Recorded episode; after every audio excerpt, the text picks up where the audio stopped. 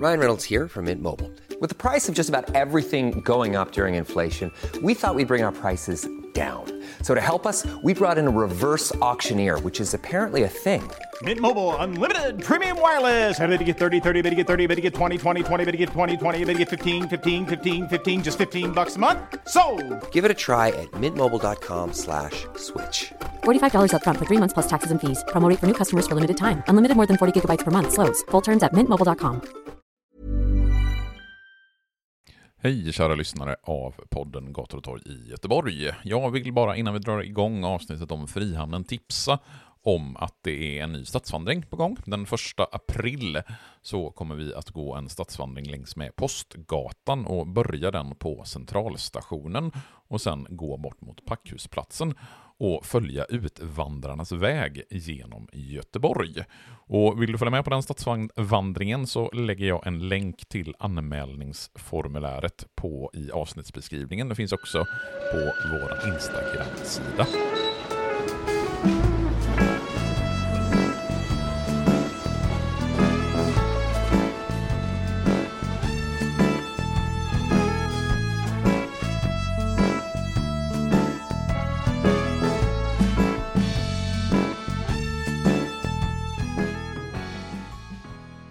Ja, jag börjar nog nästan med, med tanke på eh, vart vi är någonstans. Är detta ett gratisavsnitt Mattias? Eh, oklart, jag vet faktiskt inte det. Nu spelar vi in lite avsnitt bunkrar så att säga. Ah. Så att eh, det här kan vara ett gratisavsnitt, eller så är det inte ett Och gratisavsnitt. om det är det så blir övergången naturligtvis att vi är vid Frihamnen. exakt. Vi, vi gör det till ett gratisavsnitt bara för Ja. att kunna ha ett Frihamnen är... Fast är vi egentligen i Frihamnen? Vi, det finns ju inte så mycket, många ställen att sitta på, på, i, på i bredvid, eh, nära, eller ja, nära Det finns några lunchhak Ja. på Frihamnen, men vi valde att inte sätta oss där, utan, Utan vi- oss på... Vi har satt oss på ett eh, litet tak som heter Agir om jag minns rätt. Ja, det är en... Eh, vad heter det? Snabbmatsrestaurang, Ja, eller vet turkisk restaurang-ish, Ja. som ligger på andra sidan Lundby hamngata. Mm. Så vi har en fantastisk utsikt över det här parkeringsområdet som Mm. utgör stora delar av Frihamnen. Och det som jag tyckte var väldigt roligt med Agir är att när man kom hit, som jag, eh, innan de öppnat, så är jalusier och så nere och så är det massa taggat på det, så det ser jävligt sunkigt ut. Och sen så kom man in och så såg det ju asnice ut. Mm. Vi kan nästan tro att, man är att vi är sponsrade för maten gratis, men det får vi inte. Vi vill bara uppmana er att komma hit till Frihamnen och titta och äta på Agir och så titta ut över Frihamnen. Ja. Och över Jubileumsparken och några av kajskjulen som är Ja. i, i Frihamnen. Och vi sitter då i den här, vad ska vi kalla det, en soffgrupp med bord i, i hörnet. Mm. Så att man kan sätta sig exakt där vi satt och spelade in avsnittet. Det kan man göra. Normally, being a little extra can be a bit much, but when it comes to healthcare, it pays to be extra. And United Healthcare makes it easy with Health Protector Guard fixed indemnity insurance plans. Underwritten by Golden Rule Insurance Company, they supplement your primary plan, helping you manage out of pocket costs without the usual requirements and restrictions like deductibles and enrollment periods. So when it comes to covering your medical bills, you can feel good about being a little extra. Visit uh1.com to find the Health Protector Guard plan for you. Say hello to a new era of mental health care. Cerebral is here to help you achieve your mental wellness goals with professional therapy and medication management support. 100% online. You'll experience the all new Cerebral Way, an innovative approach to mental wellness designed around you. You'll get a personalized treatment plan from a therapist, prescriber, or both in a safe and judgment free space. Your cerebral therapist or prescriber will outline a customized plan with clear milestones along the way so you can get to feeling your best. With Cerebral, you're not alone in your mental health journey. We're here to empower you to live a fulfilling life. So take that first step towards a brighter future and sign up today at cerebral.com slash podcast and use code ACAST to get 15% off your first month. Offer only valid on monthly plans. Other exclusions may apply. Offer ends July 31st, 2024. See site for details. Men eh, som sagt, Frihamnen har ju säkert många hört talas om på alla sätt och Mm. vis. Men eh, vad är det egentligen? Alltså, det är egentligen de här pirarna som sticker ut i vattnet. I, som är, om man är på fastlandssidan, på motsatt sida, så är man typ vid Nordstan, vid Operan. Och så tittar man över. Många tror jag tänker Bananpiren som en del av Frihamnen, vilket ju stämmer.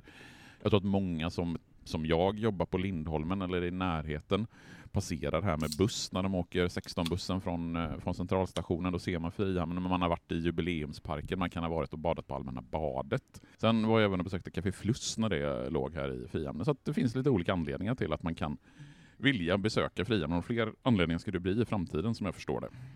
Frihamnen är ju den hamnen då som ligger liksom längst in i inloppet till Göteborg, där vi har nya Älvsborg eh, längst ut kan vi säga. Eh, och vad är det som ska hända där förresten? Vi ska ha ett 100 års, eller 100 Vi ska ha vårt 100-årsjubileum. Patrons-avsnitt. När det kommer bli 100 patroner så ska vi ha ett jubileumsavsnitt där ute. Just det. Det hoppas Men- vi händer snart. Men som sagt, eh, Frihamnen ligger då eh, längst in, men eh, jag antar att vi har haft hamnar i Göteborg i evinnerlig tid.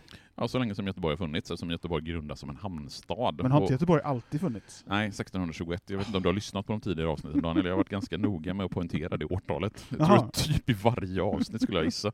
Men alltså, Göteborg anläggs ju som en hamnstad. I någon mening så kan man säga att Stora Hamnkanalen, som ju grävs ut när Göteborg byggs på 1620-talet, är den första anlagda hamnen. Det är egentligen ingen riktig hamn, den är inte tillräckligt djup för att du ska kunna gå in med fartyg och så, men på något sätt så är ju hamn, Stora Hamnkanalen en typ av hamn. Men eftersom man inte kunde gå in med de stora fartygen så fick de stora skeppen ankra på redden utanför klippan, alltså längre ut i, eh, i älven, eller vid eh, Gamla varvet som ligger, eller låg, där Stigbergskajen ligger nu ungefär. Men det här är någonting som jag vet att eh, jag har varit lite fundersam över. Vi har ju nya varvet också, Ja. men jag tror du har berättat för mig att det är typ från 1700-talet. Ja, det är ett 1700-talsvarv. Så, så då undrar ju lite hur gammalt är det gamla varvet? Det gamla varvet är ju lika gammalt som Göteborgs stad i princip. Det, Ja. I någon mening, och egentligen så kan man säga, vi pratade om det i avsnittet om Klippan, att Ja. det har ju funnits en hamn där ute från 1300-1400-talet, så det gamla varvet är ju betydligt mycket äldre. Men fanns de stad. samtidigt, eller bytte man dem? Man successivt överflyttade verksamheten från gamla varvet till nya varvet. Och varorna de lastar man över på pråmar och så fraktade man sedan in de här pråmarna till Stora hamnkanalen eller i Majorna och lastbryggor längs med älven. Och då var det framförallt järn och timmer som man exporterade. Sen under 1700-talet så tar ju handeln med Ostindien och Kina i synnerhet fart på allvar. Och det är ju tack vare Svenska Ostindiska kompaniet som bildas 1731. Och där var väl han Chalmers inblandad va? Ja, eller Chalmers, skulle jag nog Chalmers. välja att Ja, uttala det. men göteborgska då? Chal... Chal... Jag vet inte. Ja, han är superkargör som det heter på ett av de skeppen. Som, Kargör? han är, har ansvar för cargo, alltså Aha. lasten på, på skeppet. Och han är super på det alltså? Ja, han är den översta av, han är den som har liksom, eh, mest ansvar för lasten. Eh, Men det är i slutet på 1700-talet. Det är ju Mm. egentligen, Salgren är ju ett namn som man kanske snarare bör nämna när man ska prata om bildandet av eh, själva Ostindiska kompaniet. Och vi har avsnitt om både Chalmers och Sahlgrenska? va? Jajamensan, så det är bara att gå Jajamensan. tillbaka till vår katalog. Men sen om vi spolar fram ganska fort till mitten av 1800-talet så har ju fartygen vuxit i storlek, de har blivit större. Och framförallt tack vare ångdriften så var det mycket lättare att ta sig upp längs med Göta älv, vilket gjorde det nödvändigt att bygga kajer längs med älven. Och vi har ju också ett avsnitt om Stenpiren som är den första moderna älvkajen som står klar 1845. Sen grundas ju Eriksbergs Mekaniska Verkstad också i mitten på 1800-talet och startade ett skeppsvarv några årtionden därefter. Och sen under andra halvan av 1800-talet så utvecklas ju den svenska exportindustrin väldigt snabbt, vilket ökar volymerna på handeln i hamnen. Mellan 1888 och 1902 så byggs Masthuggskajen, vilket vi för övrigt också bör göra ett avsnitt om. Vi har inte gjort det än, men det bör väl komma. Vilket är den första kajen i hamnen där man har oceangående fartyg. Själva inseglingsrännan muddras ner till sju meters djup för att man ska kunna gå in med större fartyg. Man drar fram järnvägsspår till kajerna och allt det här sammantaget innebär ju att Göteborgs hamn nu under slutet av 1800-talet växer fram som en riktigt stor hamn.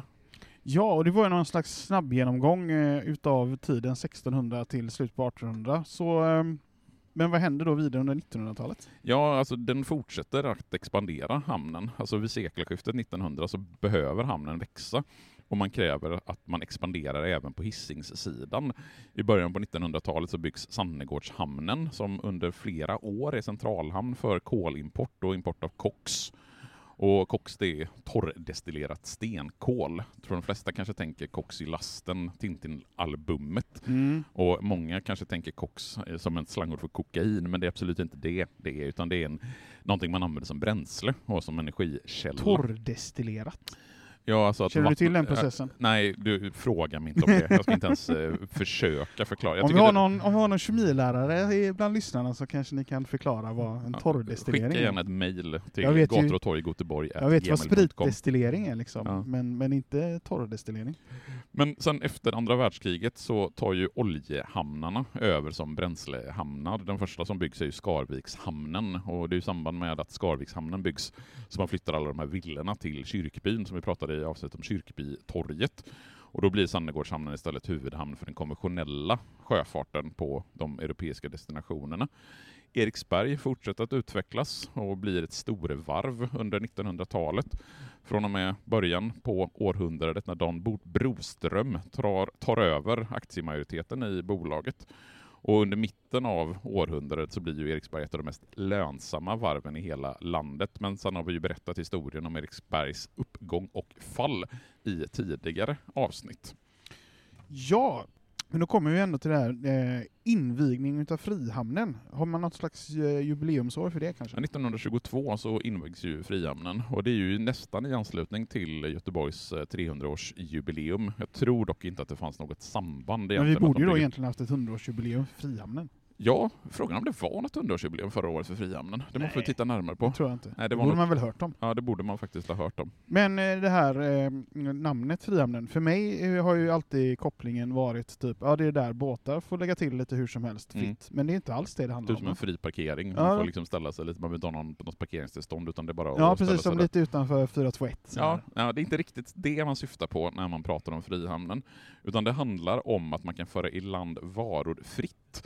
Det innebär alltså att man inte behöver betala tull eller skatter förrän man för ut de här varorna från hamnen in i landet. Så det blir liksom en som en zon där varorna inte behöver förtullas. Utan Så man kan... det är, det inte för, men det är ändå så att det blir en tull när de så att säga flyttas ut från Ja, Frihamnen däremot, till... däremot Ja. så kan du som eh, leverantör åka in i Frihamnen, lägga dina varor där och sen ta dem vidare till ett annat ställe utan Yes. att behöva förtulla dem. Det blir alltså en fri hamn som lite grann lyder under sin egen jurisdiktion Mm. på något sätt. Men det är därifrån namnet Frihamnen kommer. Men det här konceptet med liksom frihamnar, det antar jag är mycket äldre. Så har det inte funnits frihamn tidigare i Göteborg då? Ja, och alltså redan under slutet av 1800-talet så hade Johan August Hertz varit drivande om att man skulle instifta Är det han som frihamn. man hyr bilar av idag? Nej, det är inte samma Nähä. Hertz, utan det är en grosshandlare här i Göteborg. Han har bland annat gett namn till Hertzia-huset som ligger vid Packhusplatsen, där den här femvåningsbyggnaden vid eh, Packhusplatsen 2, som väl blir den norra delen av Är det där lyktstolpen står? Nej, det är inte vid Inte Lyktstolpen, där. det är lite vid sidan om Lyktstolpshuset. Yes. Men han var åtminstone drivar, drivande i att inrätta en frihamn under slutet av 1800-talet. Och han har 1894 ett konkret förslag på hur den nya frihamnen vid då Tingstadsvassen skulle se ut. Och jag kan nästan inte ens ge mig på att beskriva den här fantastiska bilden Ja, av hur frihamnen ska se ut. Så jag tänker att vi lägger upp den på vårt Instagram-konto. Mm. Det är en väldigt, väldigt Men Mattias, du får ju skriva en bildtolkning då. Ja, det är en... Eh... Nej, du får skriva Ja, jag, jag skriver bildtolkningen sen när det, när det är dags att lägga upp den. Nej, men det är en fantastiskt fin bild på hur man tänkte sig att den här nya frihamnen Mm. vid Tingstadsvassen skulle bli. Men det här blir ju aldrig av, det är ingen som känner igen den bilden för det blir aldrig verklighet. Utan när nästa århundrade börjar, alltså 1900-talet, så utlyser man en internationell tävling om en generalplan för utbyggnaden av Göteborgs hamn. Och det förslaget som vinner den här tävlingen koncentrerar hamnanläggningen till en centralhamn vid Tingstadsvassen, där den skulle ligga på en konstgjord ö.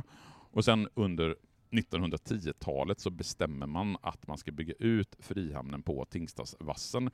Och ett av de mer spännande förslagen som aldrig genomfördes, som bland annat Göteborgs Dagblad skrev om, det var att det skulle vara en spårvagnstunnel från Packhusplatsen till Solgatan, där tunneln skulle utmynna. Och därifrån skulle en spårvagnslinje leda in på industriområdet och där förenas med järnvägsspåren så att spårvägslastvagnarna kunde köra fram till varuskjulen och magasin och därifrån hämta sina varor och sen genom tunneln kunde de transporteras på spårväg till staden. Så det fanns alltså seriösa förslag på att man skulle bygga en, en eh, spårväg under vattnet redan Jag, i jag är början så på besviken 1900-talet. på alla de här tunnlarna som aldrig blivit av. Är- Ja. ja, fan. Kommer du ihåg den, eh, den tunneln som de tänkte att de skulle göra genom Stigberget från Johannesplatsen där med Masthuggstorget och sen bort Ja. mot Barngatan? Det blev heller aldrig av. Vad är det med Göteborg att hata tunnlar? Nej, nu bygger vi tunnlar så att det står härliga Det till. gör Så vi inte. Västlänken är väl en fantastiskt stor tunnel skulle jag säga. Jo, men det är ju första gången sedan 1621 liksom. Vi har byggt en del tunnlar, vi har Götatunneln och vi har Lundbytunneln så att jag tycker inte att ditt case riktigt Jag vill ha mer tunnlar i alla fall. Driv det som en valfråga inför valet 20, vad fan blir det, 2024 eller när det nu är, nej 2026. Ja. Eh, nog för att man kan ifråga eh, Hisingens existens överhuvudtaget, men fanns det någonting här innan Frihamnen? Ja, det är klart att det gjorde. Alltså här på Hisingssidan där då Frihamnen byggs och invigs på 1920-talet så rann ju Kvillebäcken ner i sin breda dalgång och mynnade ut i det som kallas för Hisingsvassen.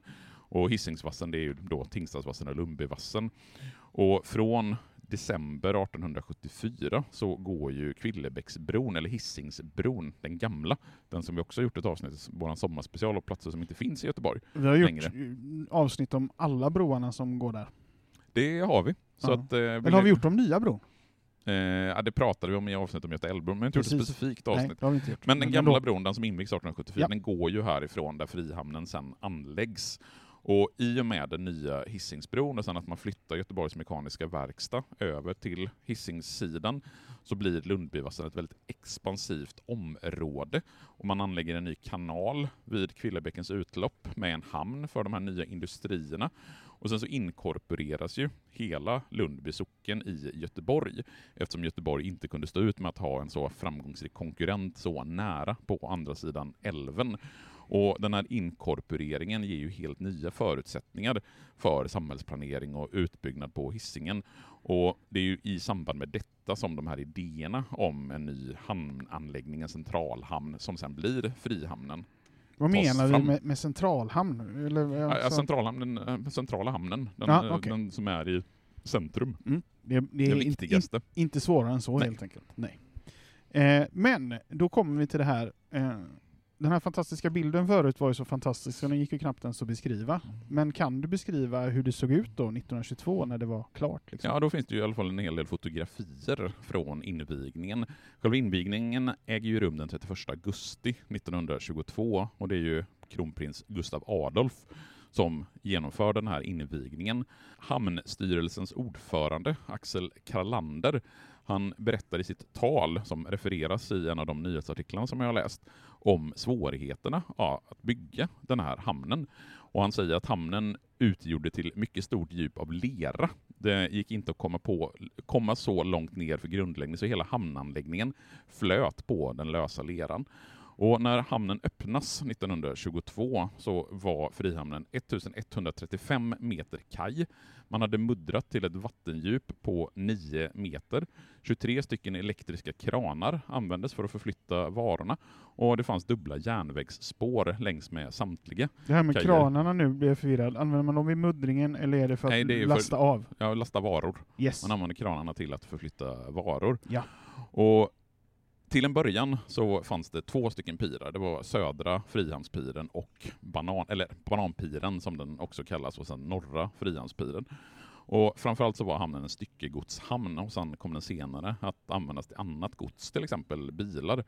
Och den östligaste, eller sydligaste, beroende lite på hur man räknar, det var ju då Bananpiren och den fungerade från mitten av 1930-talet ända fram till våran livstid, alltså fram till år 2000, som hamn för Sveriges banan, bananimport med kylfartyg. Men det här med bananpir, är det något slags smeknamn eller? Ja, den heter faktiskt, om man tittar på kartor från Lantmäteriverket så står det faktiskt Bananpiren, eh, både Södra Frihamnspiren och Bananpiren, så jag tror faktiskt att det kan vara ett officiellt namn Mm, på mm. den här piren. Mm. Även om det förmodligen börjar som ett namn man använder i folkmun. Det, det har vi ju sett tidigare, att en del saker har varit folkmun och sen har de tagits beslut om i kommunfullmäktige. Oh ja, absolut. det, det har hänt många gånger tidigare. Jag har ju förstått det som att eh, bananen har lite av en särställning i Sverige. Eh, så. Eh, så det här med bananimport kanske vi då måste prata lite om? Ja, alltså pratar vi om bananpiren så måste vi prata om bananimporten och bananimportens historia. Det är ju det som är så gött med den här podden, att jag får möjlighet att göra liksom små utvikningar i ämnen som jag tycker är intressanta, som egentligen kanske inte har så mycket med Göteborgs historia. Men ja, visst, bananimporten har ju med Göteborgs historia, så varför inte?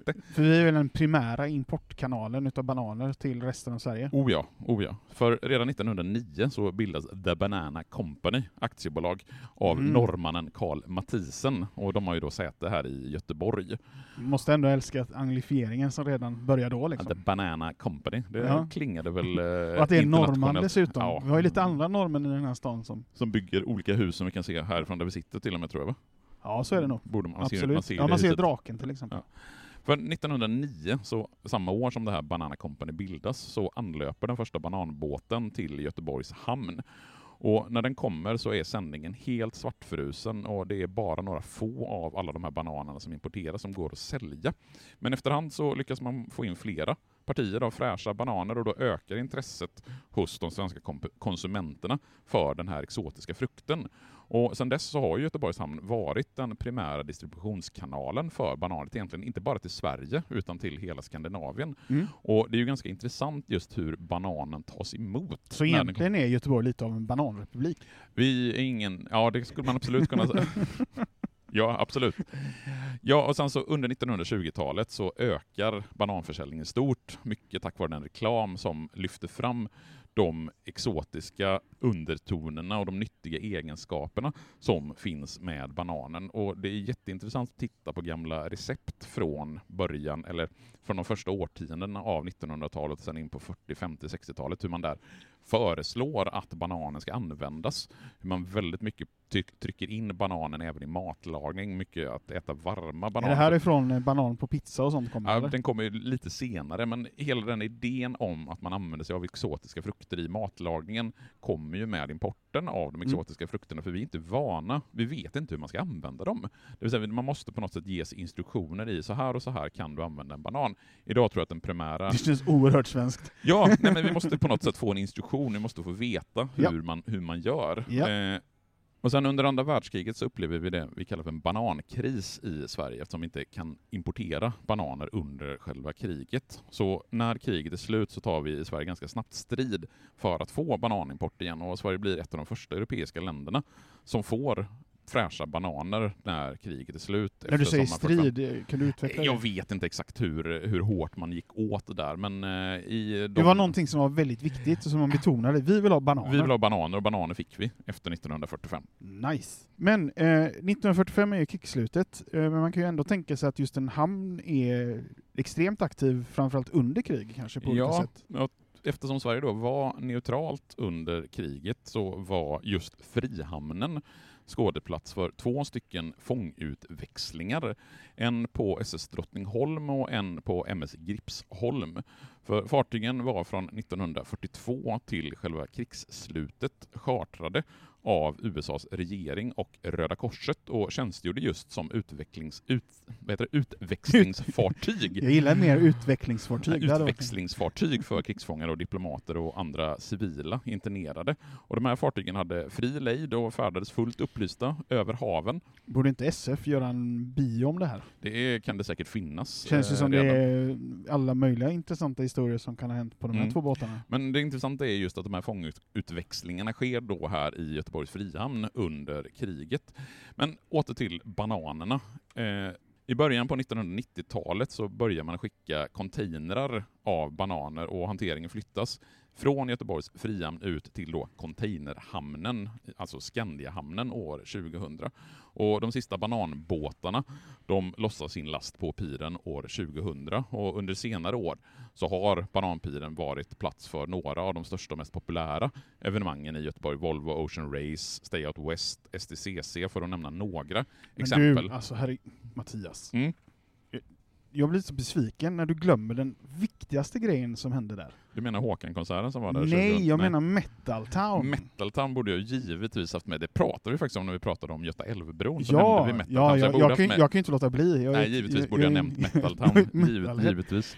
Och ville ni då höra den här frågan och vår lilla diskussion om Metal Town så var ni tvungna att vara Patreons. För Mm. ni som inte var Patreons, ni fick inte lyssna på frågan. Så, eh, Frihamnen är, är då inte bara fri i- bemärkelsen vi redan pratat om, den var också då fri från krig, kan man tänka sig, eftersom Sverige var neutralt. Men vi har en efterkrigstid.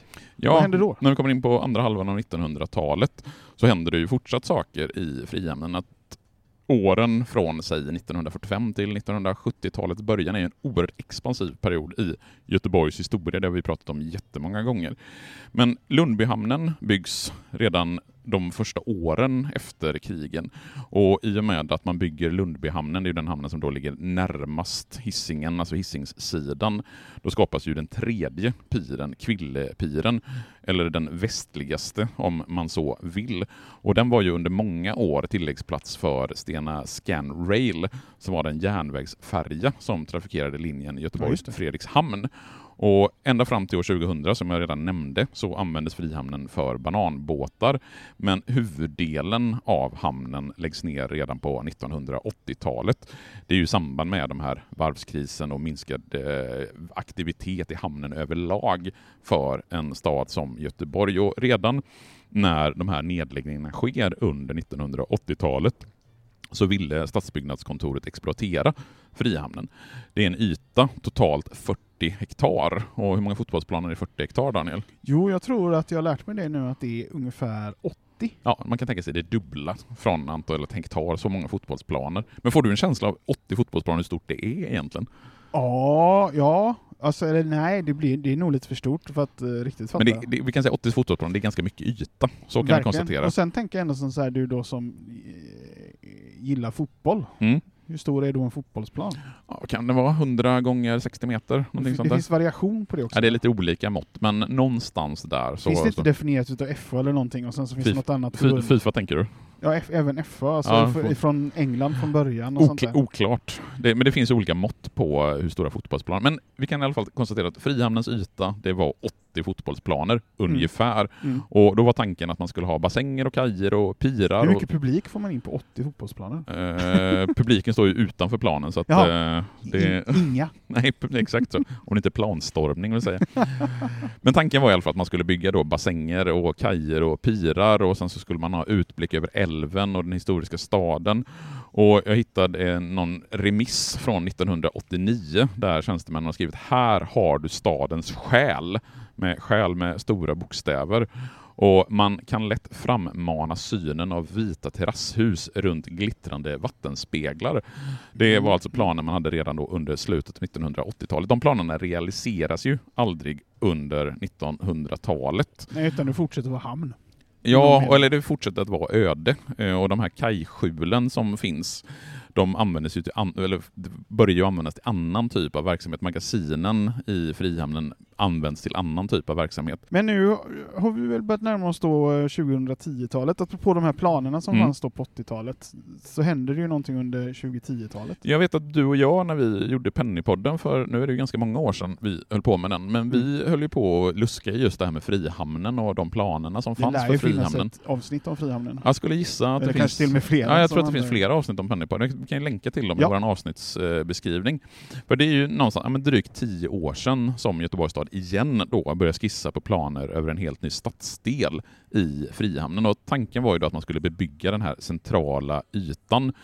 Alltså, för man ska komma ihåg att Frihamnen förvisso ligger på Hisingen, men den ligger ju väldigt centralt. Det, är ju bara, det går jättesnabbt att ta sig in till till exempel centralstationen eller ta sig in till Nordstan. Så länge man har en härifrån. bro i alla fall. Ja, även om du har haft en båt över så går det Jo, väldigt, väldigt absolut. fort. För det, det, ligger, det skulle jag nästan kunna tänka att står du längst ut på bananpilen så skulle du kunna ta ett stenkast och kasta över till Operan. Ja, Bredare än, så, bredare än så är det faktiskt inte. Nej. Så ambitionen det var då att man skulle bygga 10 000 bostäder och 15 000 arbetsplatser 2021. Alltså för, vad blir det nu, två år sedan. Så skulle de första 1000 bostäderna ha varit på plats. Och det som gjorde att vi i Pennypodden tyckte att det här var ett intressant projekt, det var Mm. ju att det fanns en vision om att vem som helst skulle ha råd att bo i den här nya stadsdelen. Japp. När man markanvisade byggrätter till de olika fastighetsbolagen så fanns det med som ett krav att en fjärdedel av bostads, bostäderna skulle ha låga hyror och att minst hälften av de bostäder som byggdes skulle förmedlas som hyresrätter. Men det här blev det ju aldrig någonting av. Så snabb huvudräkning, 1250 lägenheter skulle ha en låg hyra. Ja, och det var ju någonting som vi tyckte var väldigt intressant. Mm. Men det här blev ju aldrig av, utan Det känns som ett genomgående tema i den här stan. att saker och ting planeras men aldrig blir av. Jo, men det, det, jag tror att det, det händer i stadsplanering även i andra städer faktiskt. Känns som det är unikt göteborgskt. Det är verkligen inte unikt Men Göteborgs. väldigt mycket hela ja, tiden. Jo, men så kan det vara. Men man skiftade i alla fall fokus och Ja. istället var tanken att projektet skulle göra en stor vinst. Att man skulle göra en vinst på 1,1 miljarder kronor. Och den här vinsten skulle sedan användas för att täcka upp för andra mindre lönsamma projekt runt om i stad, staden. Den här miljardvinsten skulle komma till genom att politikerna slopade kravet på låga hyror och det här kravet att hälften av bostäderna skulle vara hyresrätter. Dessutom tänkte man från stans sida att man bara skulle gå vidare med knappt hälften av de totalt 10 000 bostäderna som man planerade initialt för. Men som, om du tittar ut här nu, ser du några bostäder? Nej, jag ser en buss. Du ser en buss. Tittar du lite in där mot Kvillepiren så kan du faktiskt se att det finns vad kan man kalla det, barackliknande byggnader. Det är 900 bostäder som har tidsbegränsat bygglov. Och de första boendena i, det här, i de här barackerna de flyttade in under våren 2020. Och det är under det här året som det projektet ska vara helt färdigt. Och jag cyklade förbi där på väg från jobbet och kunde konstatera att man håller på och bygger ytterligare tillfälliga bostäder här ute i, eh, vid Kvillepiren. Så planerna på att få det här till ett helt nytt bostadsområde med låga hyror och möjligt för alla människor att bo, det blev aldrig någonting av det. Istället så kan vi idag konstatera att ja, men det är ungefär 500 personer som jobbar i Frihamnen, framförallt i Kajskjul 107 där Mix Megapol har sin studio bland annat. Sen så ska man kunna spela paddeltennis i något av kajskjulen och det finns en actionhall och just nu så bygger man ju den första permanenta etappen för jubileumsparken som ska invigas i samband med jubileet nu i sommar 2023 och man har flyttat in, eller man ska, jag vet inte om man är riktigt färdig, man håller på att flytta ytterligare bassänger för att kunna öppna ytterligare badplatser vid kajen, alltså vid Frihamnen, som ska invigas den 2 juni 2023. Och det ska finnas en ny bastu som ska ersätta den här AT-AT-bastun från 20... Som AT-AT göra, då får de göra en thai-bastu istället. Eh, Som menar i du- TIE Fighter. Nej, jag tänkte med thai-bastun med thailändsk Nej, TIE, bastu. fi- TIE Fighter-bastu Ja, får de göra. Du får föreslå det. Ja, för då kan man ha stora eh, solceller på sidan som TIE Fighterns vingar och så kan du värma upp bastun med, med solenergi. Spännande tanke, Ja. onekligen. Briljant skulle jag säga. Men det som man sen tänker sig med de nya planerna för Frihamnen, det är att de ska vara klara 2000, eller den första etappen av de nya bostäderna. För man ska bygga, alltså det ska ju bli ett nytt bostadsområde i Frihamnen, även om det inte blir på det sättet som man hade planerat från början. Och nu är planen att de första etapperna för den nya Frihamnen ska vara klart 2040 och hela Frihamnen ska vara klart 2060. Och hur gamla är vi då, Daniel? Herre jävlar vad gamla vi är då. Vi är 82 år jag gamla. tror inte ens när- jag lever faktiskt. Nej, det är, Jag har nog dött innan dess. vi får väl se, vi får väl se. Men när vi fyller, eller ja, när vi eventuellt fyller 82 år, då ska Mm. Frihamnen vara helt färdigbyggt. Men kan vi lova varandra då Mattias att om någon av oss fortfarande lever då så är vi med på invigningen? Absolut. Eller om vi båda lever så går vi båda på invigningen? Om podcaster fortfarande är ett fenomen 2060 så lovar jag att vi gör en podd jag tänker från... att vi kan gå dit ändå. Nej men vi ska göra en podd, det är Ja, det som är det ja. absolut viktigaste. Ja, det Om podd vi. fortfarande är ett format, vi kan ju inte riktigt... 2060 gör vi en podd. Ja. Ja, det blir nice. Så, då är Ja. vi klara med, med Frihamnen. Spekulera i framtiden vill jag inte göra, jag gillar att titta, hellre att titta bakåt. Men man kan väl ändå konstatera kanske 2040 är planen. Vi får väl se hur Mm. det blir med det. Mm. Vi får väl hoppas att de, den här jubileumsparken och det här badet kan invigas i sommar. Det är ju inte så många månader kvar tills dess. Nej. Ehm, har du sett att de bygger på det? Ja, jag har eh, sett bilder på det i alla fall. Jag hittade inte när jag cyklade, jag hade lite bråttom för att hinna i tid, Jag så jag såg inte. Men jag har sett bilder på det i alla fall. Ja. Men eh, det här kanske är en eh, plats att göra någon slags stadsvandring på? Ja, då får vi vänta till 2060. Ja, det kan vi också lova alla då. 2060 gör vi en stadsvandring. Förutsatt att vi lever. Lägger du in det i kalendern? Jag lägger in det i kalendern. Så hörs vi om en vecka. Eller 2060. 2060. Ha det bra. Hej då.